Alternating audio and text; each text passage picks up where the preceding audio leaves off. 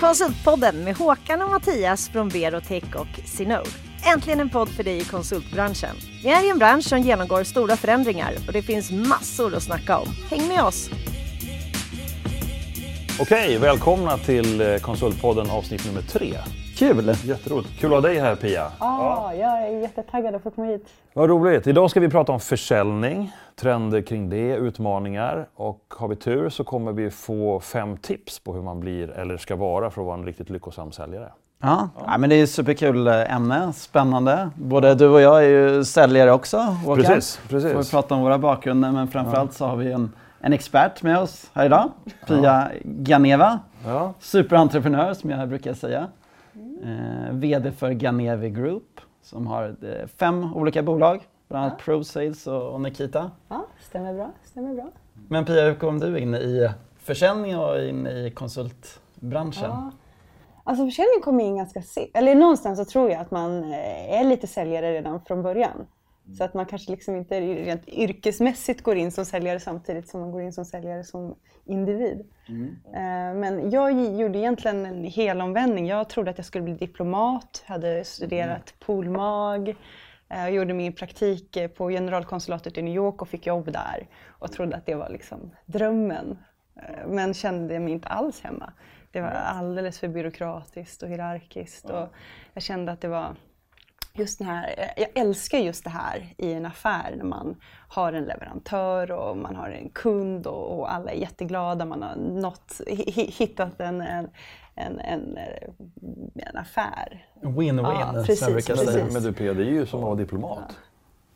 Ja, men Eller? den, jo, det är inte kanske tanken med diplomati. Ja, men där du liksom Ja. ska sälja in och medla och få båda jo, parter jo att bli nöjda. bara det att det är väldigt få som är, sitter i den rollen. Eh, Eh, det kändes som att det var, det var en ganska lång väg att gå. Nu är inte jag rädd för att, att jobba hårt och gå en lång väg heller, men, men eh, som ung kvinna i den här världen, det kändes som att det var väldigt mycket jobb man fick göra som inte alls riktigt var vad jag brann för heller. Ska ska Så då började du sälja IT-tjänster?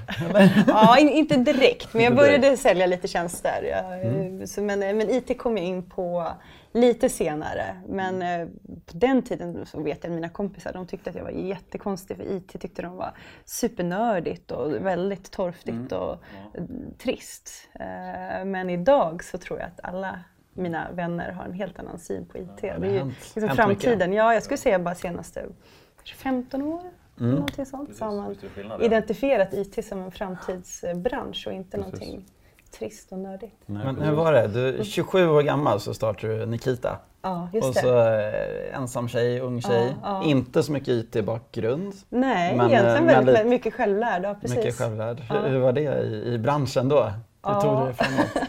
Men, eh, då så var det, jag, då kunde jag vara lite irriterad över hur alla hela tiden skulle ge mig tips. Framförallt de här äldre herrarna som skulle berätta för mig dels hur jag skulle driva min business men också eh, i, i, i princip i alla affärsuppgörelser skulle alla hela tiden ge mig råd och tips. Och då var jag inte alls mottaglig. Och det är lite tråkigt för nu när jag är äldre så skulle jag, då har jag liksom en annan grundplattform Plattform. Ja. att stå på. Så nu skulle jag ju uppskatta om folk kom och gav mig alla de här tipsen hela tiden och, och precis. råd. Men nu är det ingen som ger mig råd. Det är du som ska ge tips nu. Det är, Ja, därför du som är här. Ja, det jag blev alldeles pressad här över de här fem, fem liksom. Vi väntar med spänning.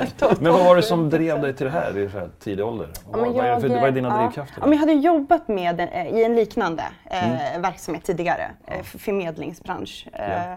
för just konsulter. Och jag såg att det finns ett fönster på marknaden att jobba annorlunda. Mm. Eh, så att, eh, och med den drivkraften, och jag tror att det är en ganska bra drivkraft Mm. när man ska starta eget. Jag vet många andra som har andra drivkrafter. Idag vill ju alla starta eget och folk säger ja men det är bra, jag vill, jag vill kunna liksom prioritera min egen tid och sådär. Ni pratade om det också med, med, som giggare. Och lite känner jag att så här, ja, fast när man är egen då är man styrd utifrån sina kunder på ett sätt som en arbetsgivare aldrig skulle styra en. Nej, så att jag skulle så. säga att jag, jag har nog aldrig haft så lite att säga till om min egen tid som den dagen då jag blev egen. Ja, precis. Fast det är annorlunda att jobba Ja. för sig själv. Ja, jag visste det. det. Nej, Jag har aldrig ångrat det. Aldrig. Och så har du, har du fem bolag också så det blir ju Ja, nä- exakt. nästan ingenting. Fem bolag, tre, tre barn. Ja, ja precis. Och eh, sen vet jag att du har en liten eh, karriär som långdistanslöpare också. Jag kanske hade en karriär. Hade ja, karriär. ja, det är skönt att kunna stå på gamla meriter. Men, eh, ja. Jo, men jag, jag, har- jag gillar långdistanslöpning och jag springer fortfarande.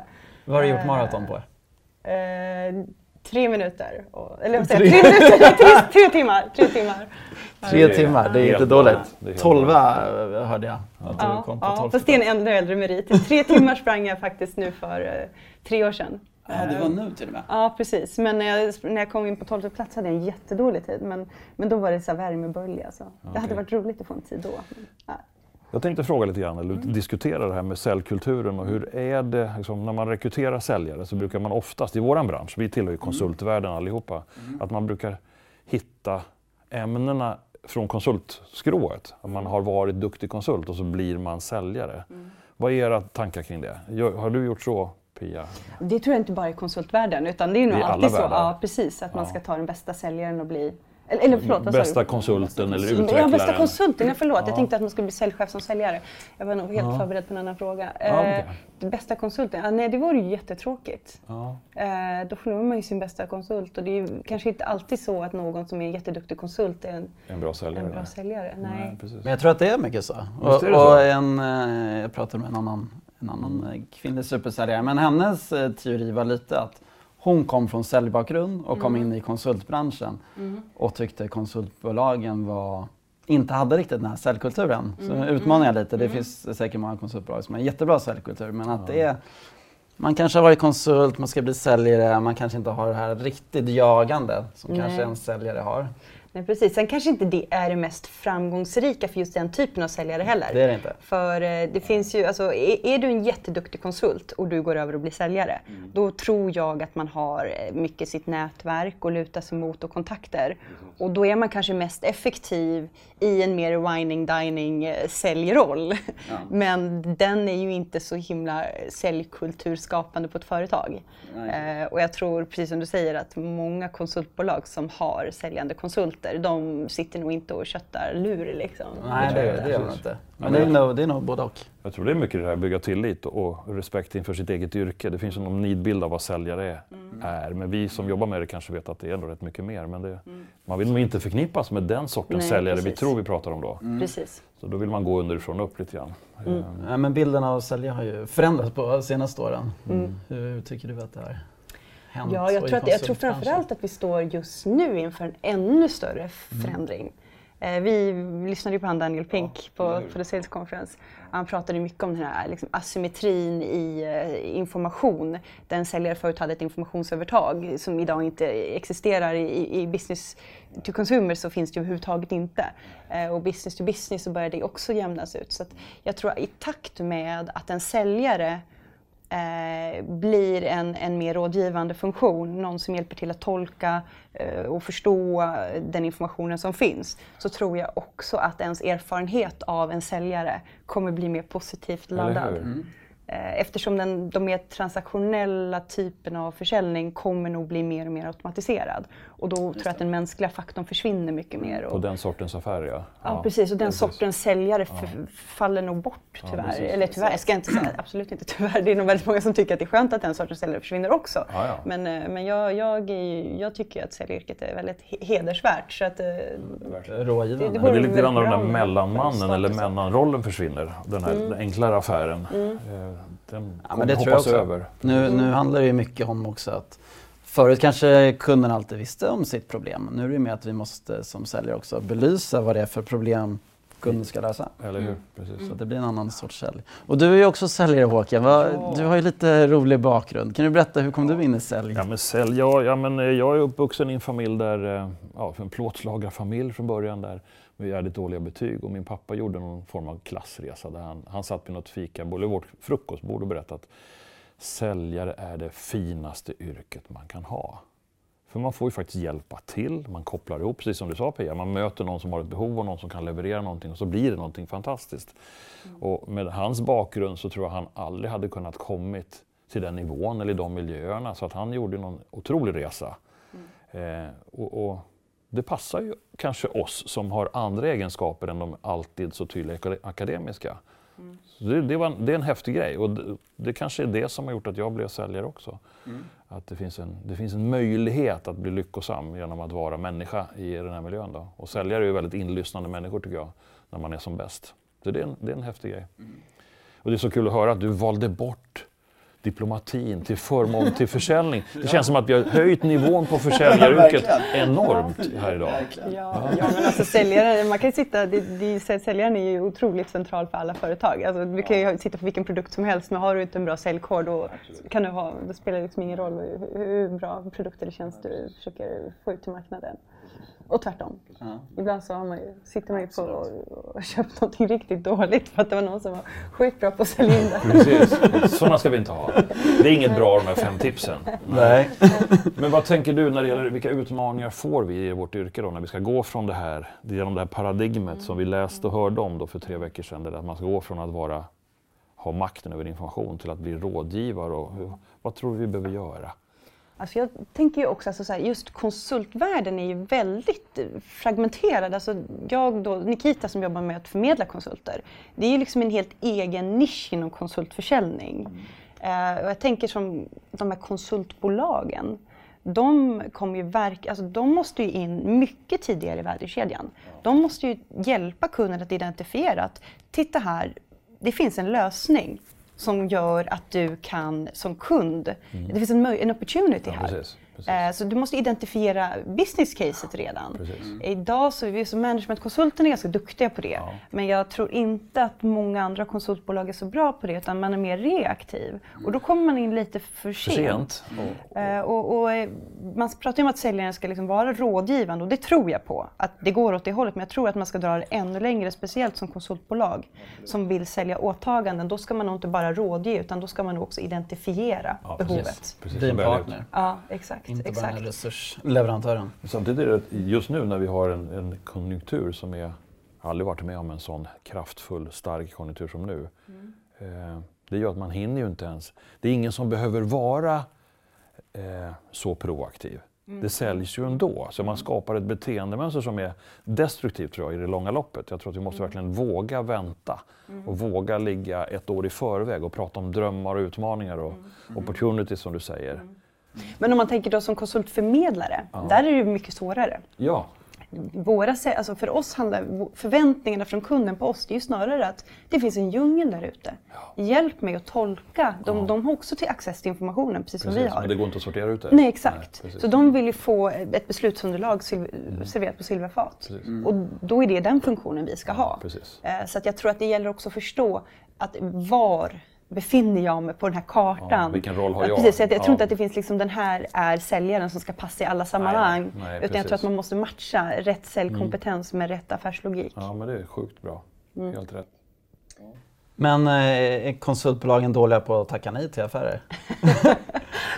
är det inte dags nu när det är högkonjunktur och liksom ha visioner? Vad vill vi vara som konsultbolag och, och tacka nej till Ja. De här som kanske är lite kortsiktig beläggning men eh, som Ja. inte leder oss till den visionen och man kanske vill vara ett specialistbolag. Ja. Alltså ni pratade ju om gig-ekonomi som är ett jättehäftigt ämne förra gången ju. Och, och där, jag- alltså jag tror att ett konsultbolag måste ju vara väldigt noga med vad har vi för identitet, vad står vi för, vad har vi för värdegrunder och varför ska en konsult ha en anställning i vårt konsultbolag istället för att gigga eller gå till ett annat konsultbolag. Precis. Och Yes. då kommer vi in på din fråga. Ja. Så vilken typ av kunder ska vi jobba med? Vilken typ av uppdrag ska vi ta på oss? Eh, ma- det är ju jätteviktigt och då måste man ju tacka nej till saker. A- Annars så tappar man ju det. Då blir man ju ett, ett litet journalistbolag som, som saknar USP. Liksom. Nej, Yes. Då blir men- man ganska otydlig. Ja. Mm. Ganska otydlig, men jag tror att det är, det är många som har svårt att tacka nej. Det är, Man har pressen kanske från chefen, eh, VDn och, och leverera de här siffrorna och belägga. Och beläggningshetsen är ju jobbig. Beläggningshetsen är jobbig. Som, som konsultförmedlare så blir man ju väldigt irriterad på de här konsultbolagen som fortsätter. De har en person som sitter på bänken Mm. och den personen är klippt och skuren för alla roller man har.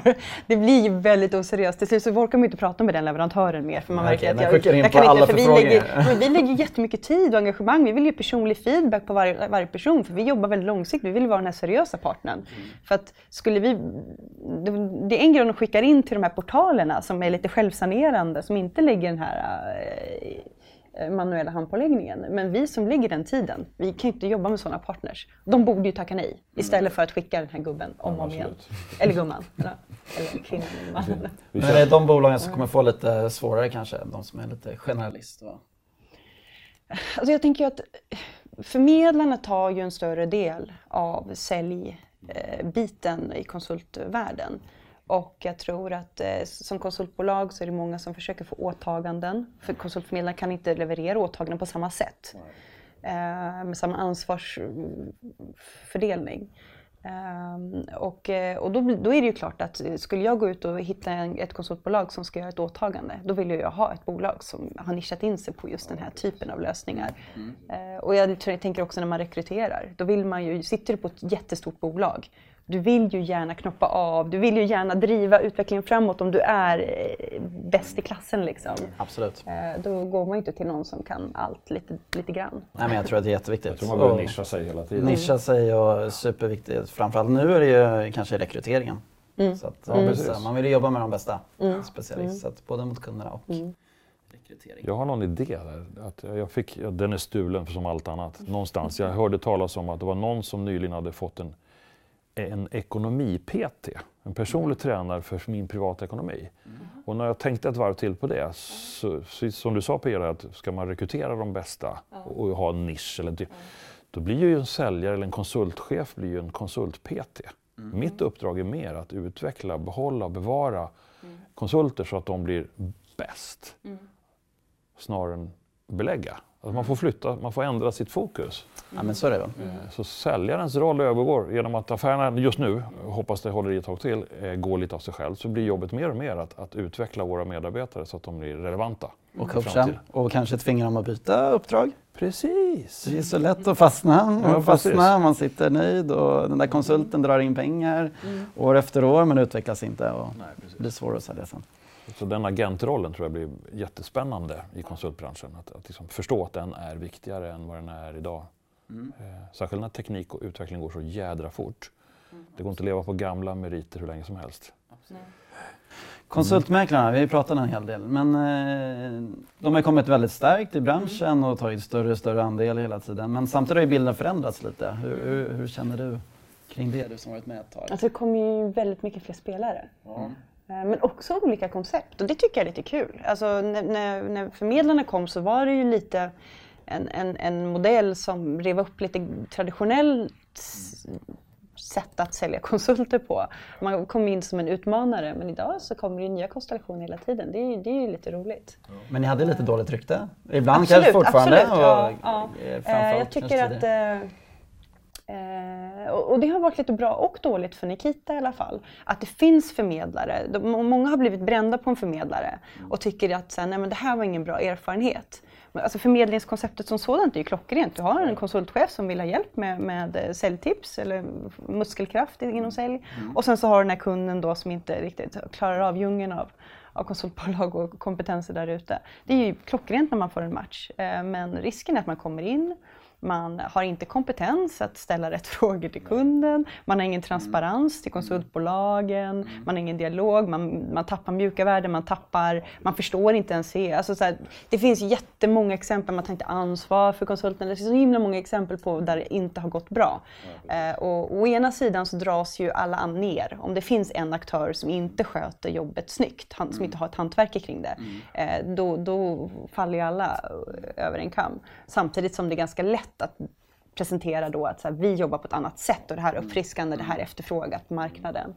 Uh, och jag, jag, tror fler och fler kommer som faktiskt uh, jobbar mer kvalitativt. Mer ja, det, fler, det kommer fler seriösa spelare tycker det jag. Det ser vi som ett lite annat uh, koncept, jag håller med. Eh, det är intressant. Och samtidigt in, inköp är också förändrats och det är väl en hel del på grund av kanske mäklarna. Mm.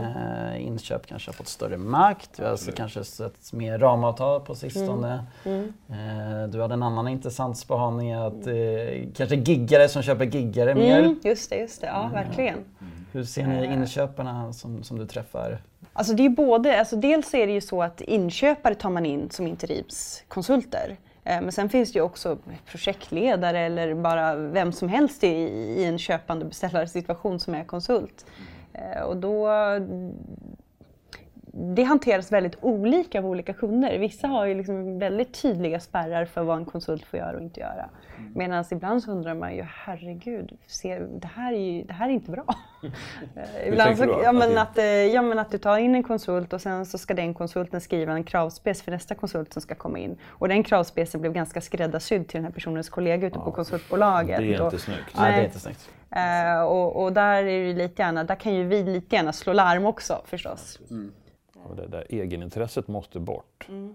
Vi måste förstå vem vi jobbar för varje gång. Mm, mm. Men jag tycker att konsulter oftast är väldigt professionella. Jag tycker också många konsulter som vi träffar, du pratade också om det här att man kan vara ute på uppdrag väldigt, väldigt länge. Jag tycker att jag ofta har konsulter säga att jag ska inte vara ute för länge på ett uppdrag för då har jag misslyckats, då har jag byggt in mig själv i en roll.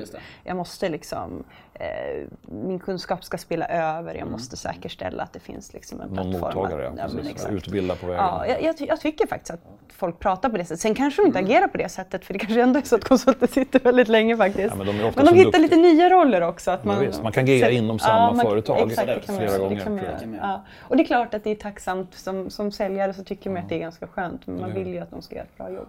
Mm. Hur gör ni med... Får du dina egna konsulter att hjälpa till i försäljningsläget? Eller vad tror du om den?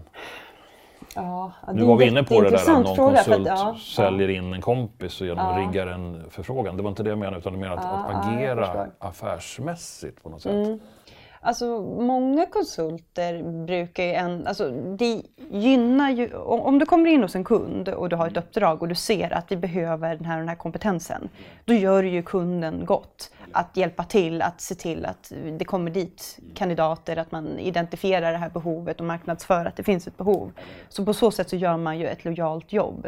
Eh, sen vet jag att det finns olika lösningar där konsulter säger jag vill ha en kickback om jag säljer in fler konsulter. Mm. Ja, då börjar det lukta egenintresse ja. igen. Ja.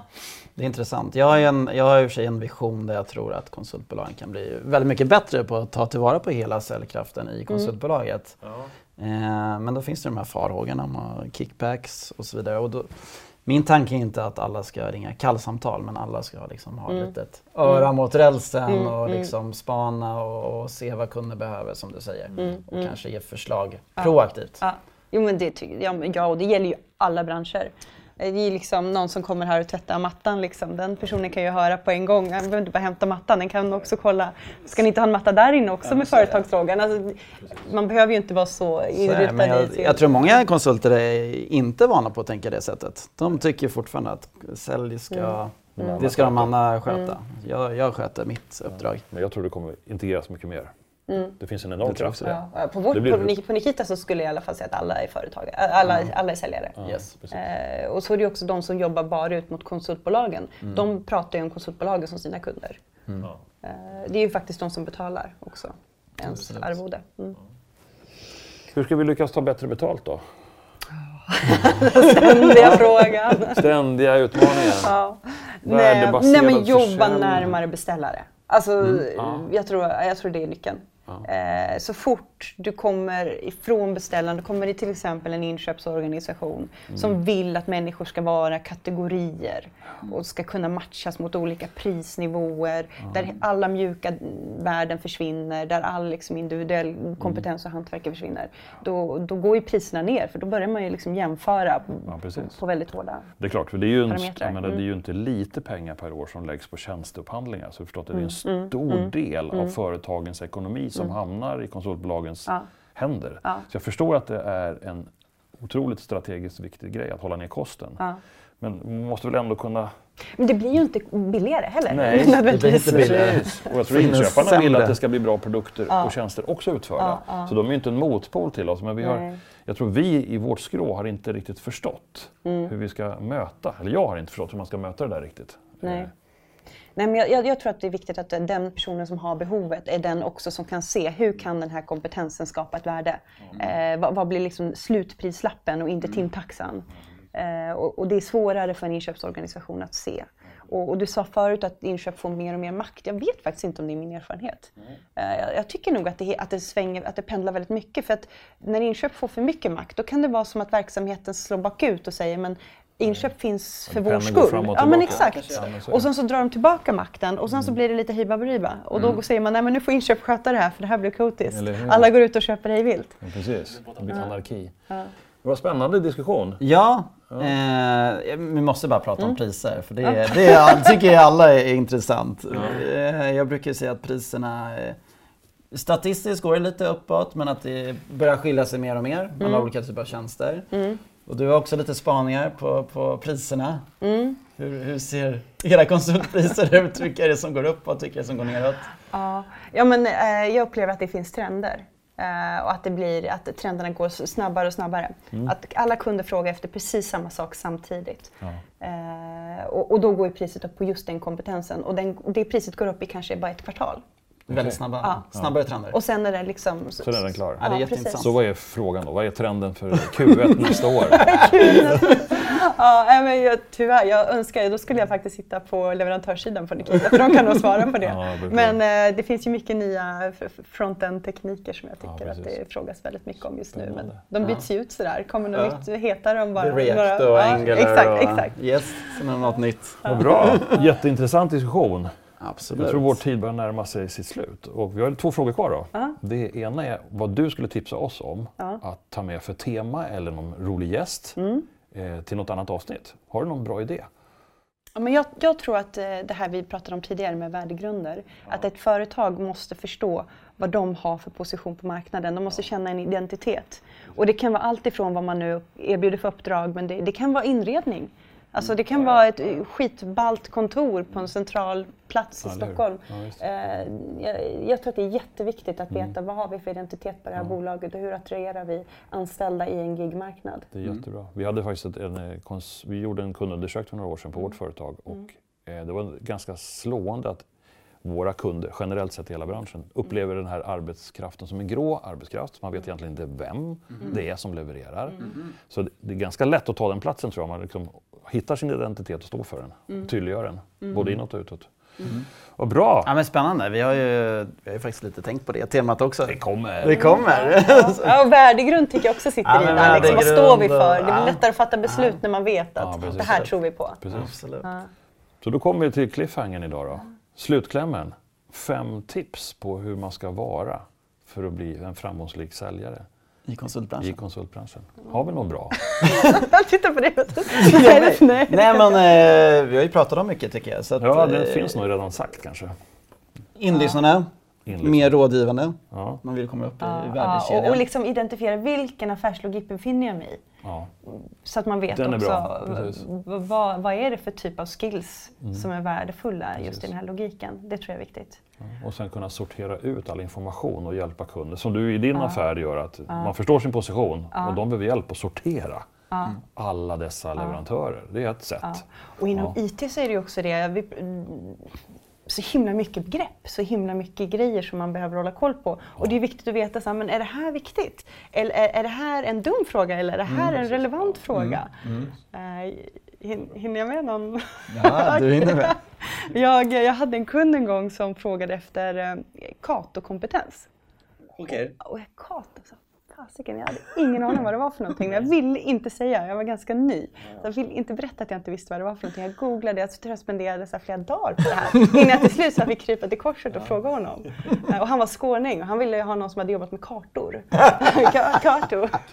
Kartor. Jag tappade liksom en halv vecka search-tid bara för att jag inte vågade fråga vad kartor var för någonting. Ja, härligt. Ett, femte tips att våga fråga då. Ja, och vi, ja. men man måste liksom ha en viss nivå för att förstå vilka frågor som är okej. Men det är ingen som kan allting. Det kommer Nej, nya nej, begrepp varje dag. Så att, Jättebra. Så är det. Men underbart. Tack Pia. Ja men superintressant. Jag tror att mm. försäljning kommer nog komma tillbaka till ännu fler gånger. Och min pappas tips håller fortfarande. Det är världens finaste yrke. ja, Ja, det är det. Det är, Jajamän. det är värdeskapande. Hur? Och det är så roligt att träffa kunder. Ja, och göra affärer och vinn-vinn verkligen. och verkligen hitta de här lösningarna som alla tjänar på. Ja. Stort tack! Ja, Stort tack. tack! så mycket för att jag fick komma. Det var jätteroligt. Ja. Surra med er. Ja. Jättekul. Så syns vi nästa vecka. Det gör vi. Yes! Tack för idag. Tack. Hej då!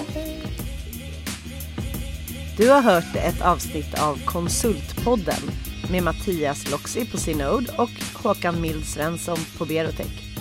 Producerat av Septemberfilm.